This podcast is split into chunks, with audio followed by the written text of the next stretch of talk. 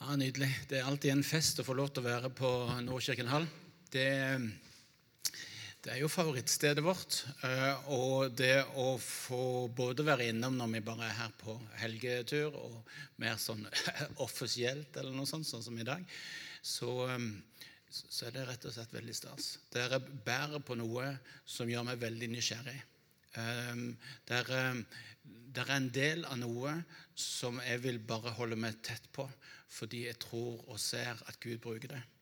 Så egeninteressen er høy uh, med å bare holde, meg tett til dere, for, for Gud bruker dere på, på helt nydelig måte. Og har gjort det helt fra, fra starten av, helt fra de første eh, fem parene satte seg ned og begynte å snakke om hva dette skulle bli. Så jeg er utrolig takknemlig for det Gud gjør gjennom dere. Og jeg lærer mye av bare henge med på og se hva som skjer.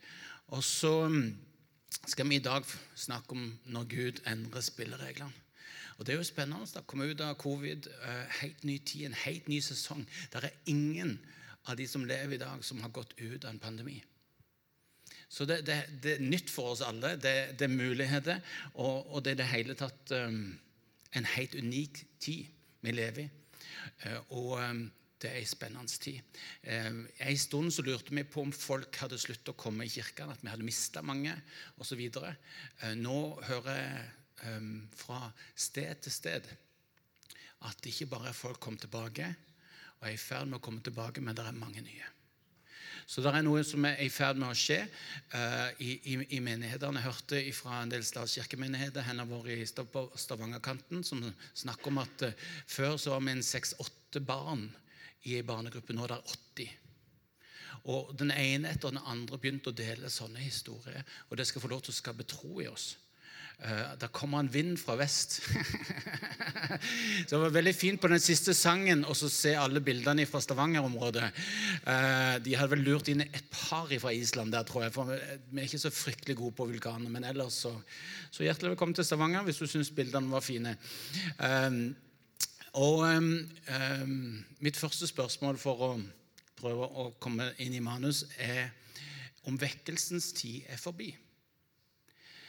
Mange sier ja, og svarer ut fra at folk i Europa forlater kirka i et betydelig tempo, og har gjort det i en 20-30 år. Jeg har vært misjonær på østkanten av Paris, og allerede på det tidspunktet så forlot 5000 mennesker kirka i Europa hver dag i gjennomsnitt. Folk, sier andre, har i mindre grad tid og rom for Gud. Det er ingenting som tyder på at vekkelse er på vei, konkluderes det i vårt land, i dagen, i debatter, i ulike fora. I pandemien så brukte jeg noe av tida til å lese meg opp på vekkelse som har vært. Lammersvekkelsen, Skien-Porsgrunn, Haugevekkelsen, Vegårshei, Sandnes, Vrådal, Indre Kina, Kambodsja, Timor og Indonesia, Wales, hebridene Jeg bare øver meg på å ikke si hybridene. Osv. Og det er flere fellesnevnere. Det er det som var interessant å lese så mange forskjellige vekkelseshistorier. At det er mange fellesnevnere. Og en av de er at i deres samtid så var det ingenting som tyder på vekkelse. Heller tvert imot. Og Det skal få lov til å gi oss en ro, at vi ikke konkluderer ut fra det vi ser, men at vi konkluderer ut fra hva Gud har på hjertet sitt. Gir det mening? Så hvorfor skjedde det likevel vekkelse, og hva kjennetegner kirkas liv i vekkelsestider? Mange av vekkelsene brøt ut fordi Gud endra spillereglene. Så her er det kanskje noe bra likevel. Gud endra spillereglene. Et eksempel fra Bibelen som jeg har lyst til å ta dere inn i, er eh, om den romerske hærsjefen Kornelius. Og Du kan lese om det i Apostelens gjerninger 10 ganske langt kapittel, så jeg skal prøve bare å gjenfortelle en del av høydepunktene. og Så kan du lese det hjemme for å sjekke ut om jeg har dikta eh, for mye. Eh, noe diktning kan det nok forekomme eh, i eh, å gi det litt kontekst, men, men, hovedpunktene vil du kjenne igjen. I den første kristne tid så hadde Peter og de øvrige kirkelederne ikke forstått Jesu ord om å være vitne i Jerusalem, Judea, Samaria og til jordens ende. For de var det et oppdrag De hadde hørt det. De hadde, de hadde hørt oppdraget som står i Apostlenes gjerninger 1,8, men eh, de hadde forstått det som et oppdrag som skulle rette seg mot eh, folk av jødisk bakgrunn. De hadde ikke skjønt det med til jordens ende at det gjaldt alle nasjoner, alle folkegrupper, alle folkeslag. Og så endrer Gud spillereglene, først med å sende en engel til Kornelius. Og det er interessant, Kornelius han er altså ikke-jøde, han er en del av okkupasjonsmakten, han er offiser um, i, det romerske, i den romerske hæren, men han ber til, til, til Gud i Bibelen. Så Se for deg at han, han, han vandrer rundt i, i huset eh, nok en gang og, og ber til, til, Gud i himmelen. Og så, ah! og så står det en engel der. Plutselig rett foran så står det en engel med et, med et budskap til han om eh, Og det er interessant, helt presist hvor presist det profetiske budskapet er som kommer. Eh, du må sende noen folk til den byen, til det huset som ligger nærme innsjøen. Eh, og spørre etter Simon. Superinteressant eh, eh, hvor detaljrikt profetisk budskap han får. Og Kornelius gjør det, velger seg ut antagelig noen av soldatene og sender de av gårde. Jeg har ikke sjekket det, men det sies at det er fire dagers reis for å komme. Litt usikker på det, men det er et stykke som de tar ut. Samtidig så er Simon Peter i det huset med den innsjøen og han er sulten. Eh, så han ber vertskapet sitt om, om de kan begynne å lage litt mat. Eh, og Sannsynligvis så er det akkurat sånn som det er i Midtøsten, at det begynner å lukte deilig. De, de, de legger ned i det ene nydelige etter det andre, så begynner å dufte godt. Og Dette står ikke i bibelteksten, men det er akkurat som jeg ser for meg at det blir litt for voldsomt.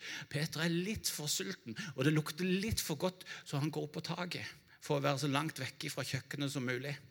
Eh, og Det er litt sånn ettermiddag, det er litt sånn svalt, det er kanskje litt utsikt utover innsjøen. Eh, og så, eh, og så får Peter et syn. Og interessant nok, men når Gud begynner å kommunisere til ham, så handler det om mat. Her er altså, Han er så sulten. Han, han, han, han er, åh, og så og bare komme seg vekk fra den deilige lukten der nede. Og så Når Gud begynner å snakke, så begynner han å snakke om mat. For det kommer ned en sånn duk med ulike dyr på. Du har liksom bæ og mu og voff-voff. Nei, kanskje ikke voff-voff. Eh, men for ulike typer dyr som er her, og en stemme som sier 'drep og spis'. Så alle som er vegetarianere, beklager. Det røyk den teorien om at Gud er for dere på det området. Um, uh, det sto ikke i manus. Um, anyway. Uh, drep og spis. Hvorpå Peter sier mm -mm, ikke tale om. For her er det flere av dyrene som ifølge min religion, ifølge min tradisjon, gjør at skulle jeg spist det, så hadde jeg blitt urein. Og så kommer det en stemme som sier du, det som Gud kaller rent, det har ikke du lov til å kalle ureint. Det som Gud kaller rent, det kan ikke du kalle ureint. Og så, så går duken dugen med dyrene opp til himmelen. Og så det er to forskjellige lyder på opp og ned på dette. skjønner eh, Så kommer eh, dugen med dyra ned igjen. Samme stemmen. Drev og spis. Og Peter sier ikke tale om. Jeg kommer ikke til å gjøre det. Jeg har ikke lov til det. Skulle jeg gjort det, så, så, så hadde jeg sjøl blitt urein. Og så opp igjen. Og så ned igjen. Tredje gang, samme historien. Peter sier nei. Kommer ikke på tale. Kommer ikke på tale. Det som Gud kaller rent, har ikke du lov til å kalle ureint. Og Det er viktig allerede her i historien å se hvor mange gode grunner Peter har for å avvise dette her som en fristelse eller forførelse. Han er sulten, og synet går på mat i seg sjøl hvis noen av dere kommer til ove og sier du, jeg var så sulten i dag, og så, og så, og så fikk jeg et syn av mat. Ah, det går noen alarmklokke. Altså sånn, sånn pastoralt greie. Så det går noen alarmklokke i forhold til er det fra en sjøl eller er det fra Gud. ikke sant? Det høres mest ut som magen som, som taler, mer enn noe annet. Um, så her er det enormt mange gode grunner for Peter til å avvise dette som en fristelse eller forførelse. Og det at synet går på tvers av det han tenker er bibelske sannheter, og innebærer at han må synde for å være lydig mot synet, gjør det ikke bedre. veien er utrolig kort for at Peter avviser dette som bare oppspinn, en fristelse eller noe fra han sjøl. Så banker det på døra, og samme stemme sier eh, Gå med deg hjem. Peter går ned fra, fra taket, åpner døra. Der står utsendingene fra Kornelius. Og stemmen sier, 'Gå med deg hjem'. De forteller hvorfor de er der, og Peter sier, 'OK, jeg blir med dem, men først, først må vi spise'. Så de spiser, de overnatter, og så reiser de. Og så eh, kommer de til Kornelius sitt hus etter eh, en, eh, en, viss tid. Og, eh, og det er kanskje først da Peter begynner å skjønne at synet fra taket virkelig var Gud. For når han står utenfor der, så må han ta en avgjørelse på om han vil gå inn eller ikke. For igjen, ifølge tradisjonen og religionen hans, det å gå inn til en ikke-jøde i hans hus ville gjøre at Peter sjøl blir urein. Og da kommer budskapet fra taket om at Peter, det som jeg kaller rent, det har ikke du lov til å kalle ureint. Det som jeg kaller rent, har ikke du lov til å kalle ureint. Og det, det gjør at Peter går inn i huset til Kornelius. Og du kan lese videre i Apostelens gjerninger. Han får utrolig mye kjeft for det. det. Det er flere ganger han må fortelle denne historien om og om igjen fordi han får så mye kjeft fra andre kirkeledere og ø, overgitte kristne om at det var helt feil av han og av teamet hans å gå inn i det huset til en ikke-jøde.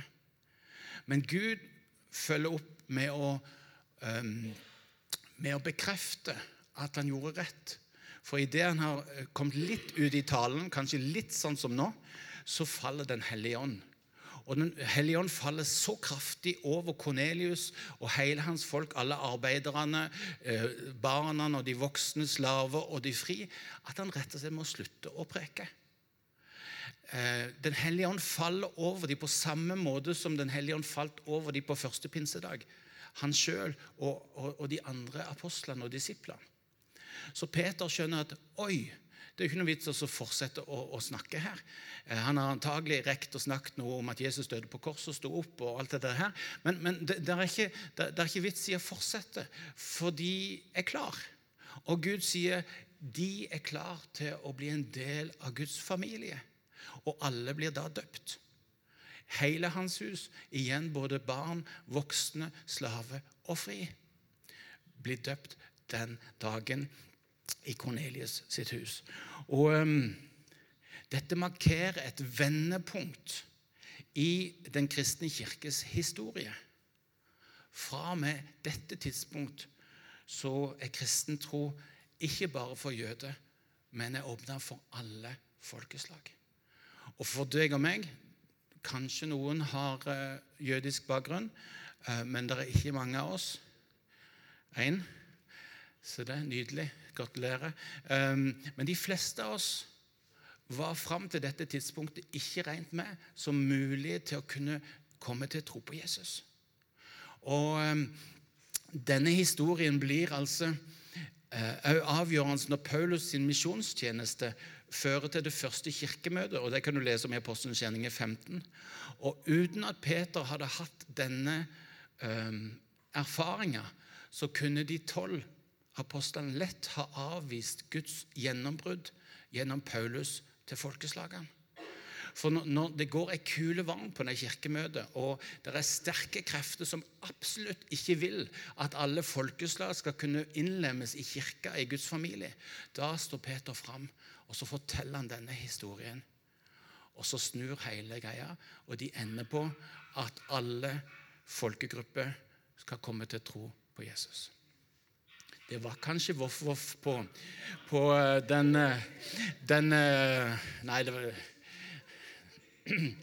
Men anyway um, Gud endrer spillereglene. Han bryter ut av boksen. Han fremstår annerledes enn det vi er vant til. Og det er tankevekkende at det skulle enormt lite til at kirka hadde avvist Guds ledelse på et så sentralt punkt som det som har med at alle folkeslag skulle få lov til å komme til tro på Jesus og bli en del av kirka. Det skal så lite til. Superinteressant. Hvor lett det ville vært for Peter og hele gjengen å avvise det hele som oppspinn, som en, en uh, forførelse. Bare deres egne tanker, osv., osv. Jeg tror du begynner allerede nå å se bildet av det som er krevende når Gud bryter spillereglene. Når Gud endrer spillereglene. To og to eller tre og tre, sånn som der du sitter. Bare snakk litt kort sammen. På hvilken måte er det som vi hører fra Kornelius-historien, viktig for oss å lære i dag? På hvilken måte er det viktig, det som vi lærer fra Kornelius-historien, for oss i dag som kristne og kirke i dag? Kjør debatt.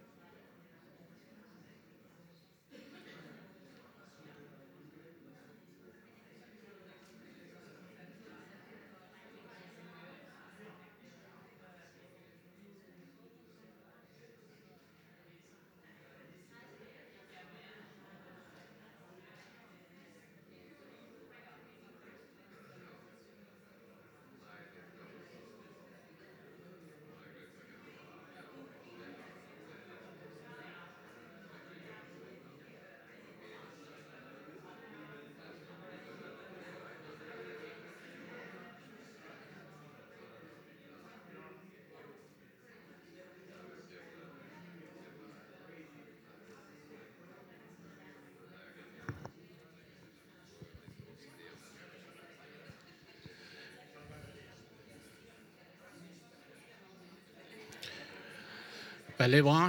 Da skal jeg få fortsette praten hjemme. Og de som hører på oss fra ulve, ulvehjemmet uh, Gammelhjemmet på Ulvegjelet, som det egentlig heter.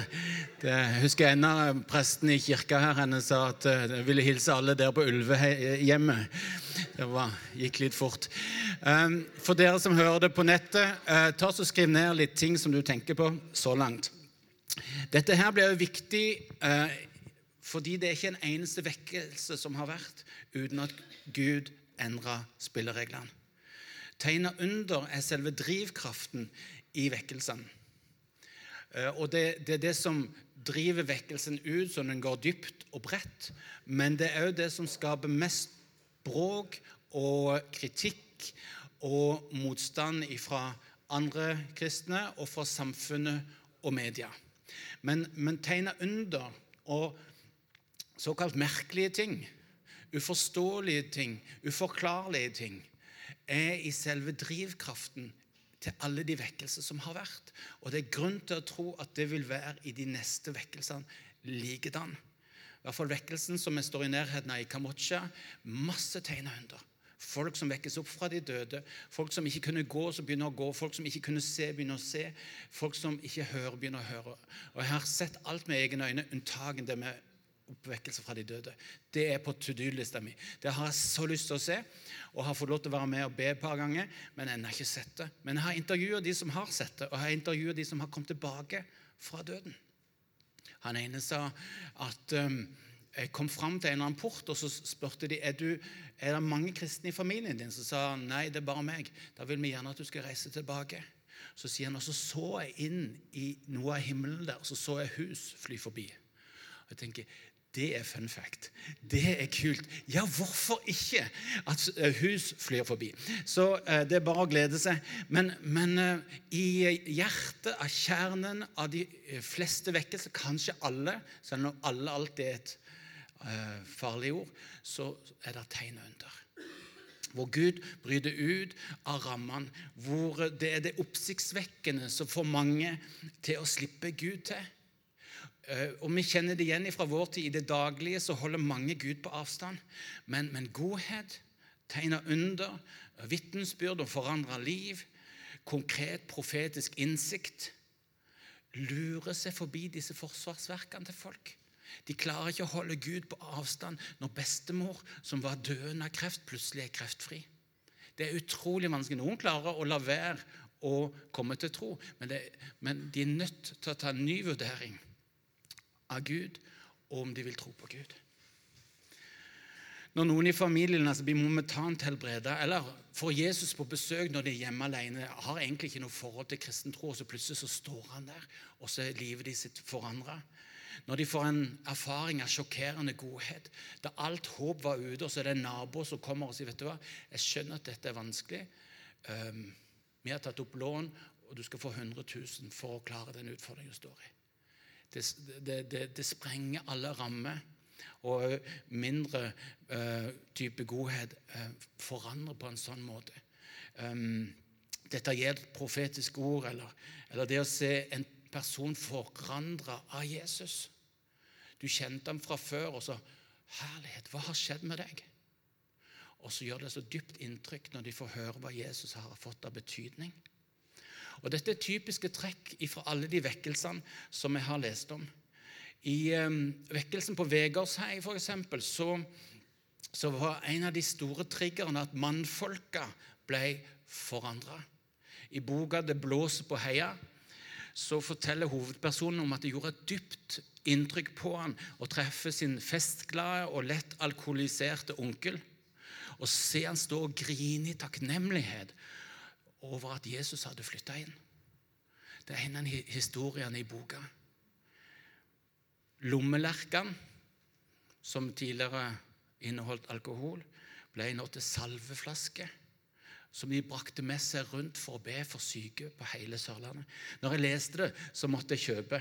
Jeg gikk rett på Finn og bestilte lommelerke. Og har da salveolje på den. Eh, og det, Av og til så glemmer jeg den i, i håndbagasjen og blir tatt i sikkerhetskontrollen. Og det, ja, si, det, det, er ikke noe annet enn olivenolje inni. Og så blir vi enige om at vi kan helle det ut, og så får jeg lov til å beholde den. Um, men fantastisk for, for, forvandla liv. Hvor lommelerka på en måte blir et, et sånt symbol på den endring som skjedde på Heia. Det fortelles at ingen enke fikk lov til å bo alene lenger.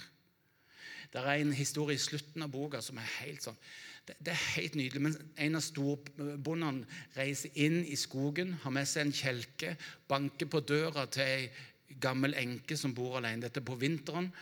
Og um, Hun sjøl har begynt å, å, se at det er snart ikke mer ved igjen. Uh, og det er snart ikke mer mat igjen. Og, og, og, og hun har bedt i fortvilelse. Og så plutselig så står storbonden på trammen og sier du, i dag skal du flytte hjem til oss på, stor, på Storegården. Og hun sier hæ? Hvorfor det? Og Så sier storbonden, 'Har du ikke fått det med deg?' Nei. Jesus har flytta inn på gården. Jesus har flytta inn på gården. Og så får det et forvandla liv hvor, eh, hvor ingen Og det, det sies at ingen enke bodde alene lenger. Fikk flytte på storgården og bodde der helt til de døde. Wow! Forvandla liv. Eh, når Gud endrer spillereglene, så blir det forvandla liv, og det hjelper andre til å komme til tro på Han. Bønn er jo sentralt i mange av vekkelsene som jeg har lest meg gjennom. Eh, I forkant av vekkelse og under vekkelse. Nils Einar Halleraker, som er pilot i SAS og sitter i Eldsterådet i Imekirka, talte i sommer eh, om vekkelsen på hebridene Fantastisk interessant. Du kan høre den på imikirka.no senere hvis du er sulten på mer. I boka fra denne vekkelsen, i en bok som heter 'Beveg verden med bønn', så skriver Wesley Duell at to eldre kvinner i landsbyen Barvas på øya Louis begynte med kveldsbønnemøte, der de var enige om å be om vekkelse på stedet. Kveld etter kveld så ba de til Gud. Etter flere måneder begynte noen unge menn, uten at kvinnene visste det, å møtes hver kveld i den andre enden av landsbyen for å be om vekkelse. Mens kvinnene fortsatte å be, så åpenbarte Gud for dem at de skulle invitere pastor Duncan Campbell til å komme til Barvas fra fastlandet, i den grad en kan kalle Storbritannia for et fastland. Eh, og De skrev til han, eh, og da han fikk innbydelsen, så måtte han svare nei, ettersom han hadde lovt så mye annet. De to eldre damene skrev tilbake og svarte du sier at du ikke kan komme, men Gud sier at du kommer. Du kan si det sånn at både taleren og Gud kom til øynasjonen. Vekkelsen i Wales starta med at de kristne begynte å be Jesaja 64, vers 1-2. Vi skal være litt i den mot slutten nå, så hvis du har Bibel eller Bibelapp, så, så kan du lese, slå opp sammen med meg Jesaja 64, vers 1-2, som ble en, en bønn som, som, som, noen av de kristne ba i ett år før vekkelsen i Wales brøt ut. Eh, og I Jesaja 64, vers 1-2 så står det Ville du bare flere himmelen og stige ned, så fjellene dirra for deg. Som når ilden setter fyr på kvistene, som når ilden får vannet til å koke, for å lære dine motstandere å kjenne ditt navn. Folkeslag skulle skjelve for ditt ansikt når du gjorde skremmende gjerninger vi ikke venta, og steg ned så fjellene dirra for deg. Jesaja 64, vers 1-2. Og Flere av de røde trådene i vekkelsene blir synlige i denne bønnen. For det første så ser vi at vekkelse baserer seg ikke på om samfunnet er positiv eller ikke til Jesus-tro. Kommer, uh, den kommer ut fra at Gud setter noe nytt i bevegelse. Flær himmelen, stig ned, ryst fjellet. Det er det det kommer an på, det er der det begynner. At Gud setter seg sjøl i bevegelse. Og Det ser heller ikke ut til å være viktig å være egnet som kristen leder, velrenommert predikant osv. Det um, finner en ikke igjen i veldig mange av disse vekkelsene. Selv om det ikke trenger å være diskvalifiserende. Både Lammers og Hauge var dyktige ledere og kommunikatører. Men det er ilden det kommer an på. Det er ilden det kommer an på, sånn som Jesaja-teksten sier. Som når ilden setter fyr på kvistene, som når ilden får vannet til å koke. Verken kvistene eller vannet er viktigst for å få maten klar, for å si det sånn, men, men ilden. Om presten Lammers fra Langesund-Skiensområdet eh, leda en vekkelse derifra som ble starten på flere kirkesamfunn i Norge så sies det at en åndserfaring under et studieopphold i Tyskland satte fyr på fyren. Kan du tenke deg at et studieopphold i Tyskland Halleluja, det høres friskt ut. En, men der får han en åndserfaring. Og det forandrer hele regnestykket. Eh, og eh, denne ilden preget budskapet hans sånn at hjertene ble berørt til levende Jesus-tro. I 2021 så var det 250 år siden Hans Nilsen Hauge ble født, og enda viktigere 225 år siden han ble sterkt berørt av Den hellige ånd da han gikk og pløya jorda på hjemgården. Norge ble aldri den samme etter at Haugebevegelsen og Haugevekkelsen fikk spre seg. Og I Haugetestamentet så gir han sine etterfølgere ti råd. Jeg fant et lite hefte på på hjemgården. Der er det museum nå, og du kan stå og se utover enga der han gikk av pløya. og Hele historien er fortalt superinteressant oppe i, henne i Østfold. Og så fant jeg det lille heftet som er testamentet til Hauge. Og jeg, jeg, var så, jeg, var så, spent på hva som var punkt nummer én. For i løpet av hele jubileet så var det masse kirkeledere og eh, organisasjoner og menigheter som sa at ja, Haugevekkelsen det var fordi han sto på Guds ord. Det var fordi han, han trodde på Guds ord og holdt Guds ord opp, at Haugevekkelsen fikk sånn innflytelse. Og så var jeg så spent på hva som var punkt én. Og helt riktig og heldigvis punkt én leve et liv i Ånden. Punkt to bli fylt av Guds ord. Og Det er ikke noe behov for å sette de to opp mot hverandre. ikke det hele tatt. Poenget er at uten Den hellige ånd, uten ilden, så får ikke Guds ord denne her slagkraften til å forvandle liv og samfunn. Og, og Det var jo det som skjedde i Hauges eget liv. Han, det tok 11 eller 14 år før han klarte å skrive ned åndserfaringer han hadde ute på jordet. Det var så sterkt. Og når du leser beskrivelsen så mange år etter, så dirrer det fremdeles. Eh, mora trodde jo han hadde blitt gal, for han var slått fullstendig ut av Guds kraft i flere dager. Eh, og så er det, det ilden fra Gud, sammen med Guds ord, som gjør at Haugevekkelsen fremdeles i dag er synlig i samfunnet vårt. Du kan se hvor de var, og hvor det ikke var. Du kan se i bygder på Vestlandet at den bygda fikk besøk av Hauge, de fikk ikke. Og det er helt forskjellig hvordan kulturen fremdeles er. Veldig interessant, men fremdeles dype spor. Og i næringslivet og alt det han betydde der. Videre så sier Bibelbønnen som preger Wales-vekkelse noe viktig om fokus for å lære dine motstandere å kjenne ditt navn. Tenk deg å få gå fra motstander av Kristus til å kjenne hans navn. Det er et nydelig bilde på det å bli frelst og bli disippel av Jesus. Legg merke til det verdensvide fokuset med at folkeslag skulle skjelve for ditt ansikt. Og vi vet at vi fremdeles i dag har over 7000 folkegrupper som ennå ikke har fått høre, som ennå ikke har noen kristne vitner i sin midte. Over 7000. Så det er mer å gjøre. Det gjenstår mer. Og så avsluttes Jesaja-bønnen med når du gjorde skremmende gjerninger vi ikke venta. Og steg ned, så fjellene dirra for deg. Og eh, det uventa, det at Gud endrer spillereglene, kan til og med framstå skrømmende for oss fordi vi har klart å putte Gud inn i en altfor snever boks og, og gitt eh, og begrense Han til bilder som er altfor små. Og når han bryter ut av det, så kan det til og med virke skremmende. Når han gjør det som er uventa, så kan det til og med oppleves skremmende for Guds folk og for samfunnet. Når han stiger ned, så fjellene dirrer for han.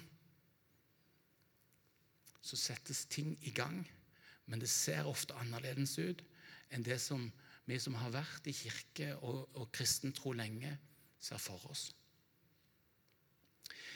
Enhver vekkelse starter hos Gud og drives fram av Gud. Vår rolle blir i stor grad å lytte, og så la Gud lede an. Enhver vekkelse begynner vel så mye med at Gud taler, enn at vi taler ut våre bønner. Hva gjør du nå, Gud? Hva gjør du nå, Gud? er det viktigste spørsmålet vi kan stille. For det er ikke så ofte at Gud kopierer en vekkelse. Så det å ha lest vekkelseshistorien gir oss noen bilder, gir oss sult, gir oss lyst til å se. Men det gir oss ikke så veldig mye klare bilder om hvordan neste vekkelse skal se ut. Det han gjorde i Vrådal, er forskjellig fra det han gjorde på Sandnes, fra det han gjorde i Wales, og det som han gjør i Kambodsja i dag. Hva bibelvers vil du gi oss nå? For vår tid, Gud. Hvordan vil du lede oss denne gangen? På hvilken måte vil du endre spillereglene og åpenbare det for folket denne gangen? De religiøse kommer til å begynne å be Isaiah 64 nå, for det funka jo en gang. Det er ikke det som er poenget mitt. Men poenget mitt er at skal vi forstå at det er Gud, skal vi forstå når det er Gud, og når det ikke er Gud, så trenger vi å ha brukt nok tid i hans nærvær så vi gjenkjenner hans stemme. Og har vært nok i Guds ord så vi gjenkjenner Gud. For Gud kan igjen finne på å bruke folk som du ikke har hørt om. Sånn som Asusa Street. nevnte ikke det, men, men når jeg var i LA, så måtte jeg selvfølgelig innom og ta bilde der. som, som det begynte. En, en ung afroamerikaner som ikke engang fikk komme inn på bibelskole, men som ble utgangspunktet for en vekkelse som i dag teller 600-750 millioner pinsevenner. Begynte med en fyr som ingen egentlig ville ha. Det gir tro. Det gir tro. Og det er godt mulig han kommer til å manifestere seg igjen på underlige måter. Fra Vrådal-vekkelsen. 40% av Vrådal ble kristne gjennom den vekkelsen. Mye skjedde gjennom ei dame som datt i transe igjen og igjen. Superrart. Superrart. Men var det Gud? Ja, mye som tyder på det. Og poenget er at som Peter så risikerer vi, hvis vi konkluderer for tidlig, å avvise det som Gud setter i gang. Fordi vi ser det som en forførelse eller noe fra oss sjøl, og i hvert fall ikke fra Gud. Jeg tror ikke Peter visste om det var fra han eller Gud før han var kommet til Kornelius. Noe som tilsier at vi, når vi får ifra Gud, når, vi, når Gud leder, så, så, må vi skrive ned det vi får. Og så må vi dele med flere. Og så må vi ikke konkludere for tidlig. Fordi vi risikerer, ut fra egen forholdsvis begrenset erfaring, å konkludere med at nei, det er nok ikke Gud, fordi det er annerledes. Det kan være det, men det trenger absolutt ikke å være det. For veldig ofte når Gud bringer nye ting inn, så ser det annerledes ut enn det har gjort før. For han er kreativ, og han skaper stadig noe nytt. Interessant å se når Den hellige ånd faller over ulike personer i Det nye testamentet. Det er sjelden det skjer på samme vis. Det er ikke ildtunge hver eneste gang. Jeg, jeg tror egentlig det er bare første gang at det er ildtunge så er det et hus som rystes, så er det ei due, så er det ulike måter Gud manifesterer seg på. For han er nyskapende, han er kreativ. Så hvordan vite forskjell? Jeg tror det handler om at Guds folk må trekke inn til Gud og bli vant til å høre hans stemme og være i hans nærvær, ta imot hans gode gave og være forankra i hans ord fylt av Den hellige ånd, fylt av Guds ord. Det er sjansen, og jeg er livredd for at jeg går glipp av det fordi jeg er blant de etablerte som trodde jeg hadde skjønt det. Jeg er livredd for det. Jeg vil være med på det Gud gjør. Jeg vil se vekkelse i landet vårt. Og jeg, jeg ber nesten hver morgen om at Gud gjør det uforklarlige som bare kan forklares med deg. Gud gjør det uforståelige som bare kan forstås i deg. Og er sulten på å se og vil være med på det han gjør. Alvoret er jo at i den tid vi har vært, så har betydelig mange kristne gått på noen vanvittige konspirasjonsteorier som de har trodd og gått for og vært i og levd etter. Mens det som er Guds bevegelse, har de sagt nei til. Jeg drømmer om at Guds folk skal lande motsatt. At vi skjønner når det er ting som drar oss vekk fra Gud og avviser det. Og er klar til å skjønne når det er Gud, og gå med Han. Vi skal avslutte i Guds nærvær eh, rett og slett for å gi Han tid og mulighet til å tale til dere. Hva er det Han vil ha deg med på i Mandal omegn? Så um, Vi setter på litt musikk. Så skal du slippe å be så mye. Du skal slippe å gjøre så mye, men la Han tale og la han gjøre.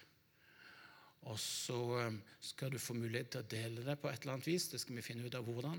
Det du måtte få, det du måtte høre. Så skriv ned det du ser. Skriv ned det du får. Uten filter, uten å tenke at det er bare for meg. Hadde Peter gjort det, så er jeg ikke sikker om jeg hadde sittet her i dag som ikke er jøde. Ok? Snørrfilm. Kjære Jesus, vi takker for at du er midt iblant oss. Takker for at du er en Gud som endrer spillereglene igjen og igjen. Og som nyskaper fordi du vil at ditt folk og nasjon etter nasjoner blir kjent med deg. Herre, vi ønsker å være med på det du gjør. Og vi trenger at du leder oss. Og vi trenger å ha vært nok tid i ditt ord og i ditt nærvær, så vi skjønner når det er deg, og når det ikke er deg. Herre, kom som du alltid gjør. Tal til oss. Gjør med oss det som du vil. Velsign og gi ut dine gode gaver. Til oss som sitter her, og til de som hører det på, på nettet nå etterpå. Takk for at du er til stede. Takk for at du berører. Takk, Herre Jesus. Vi tar imot ifra deg.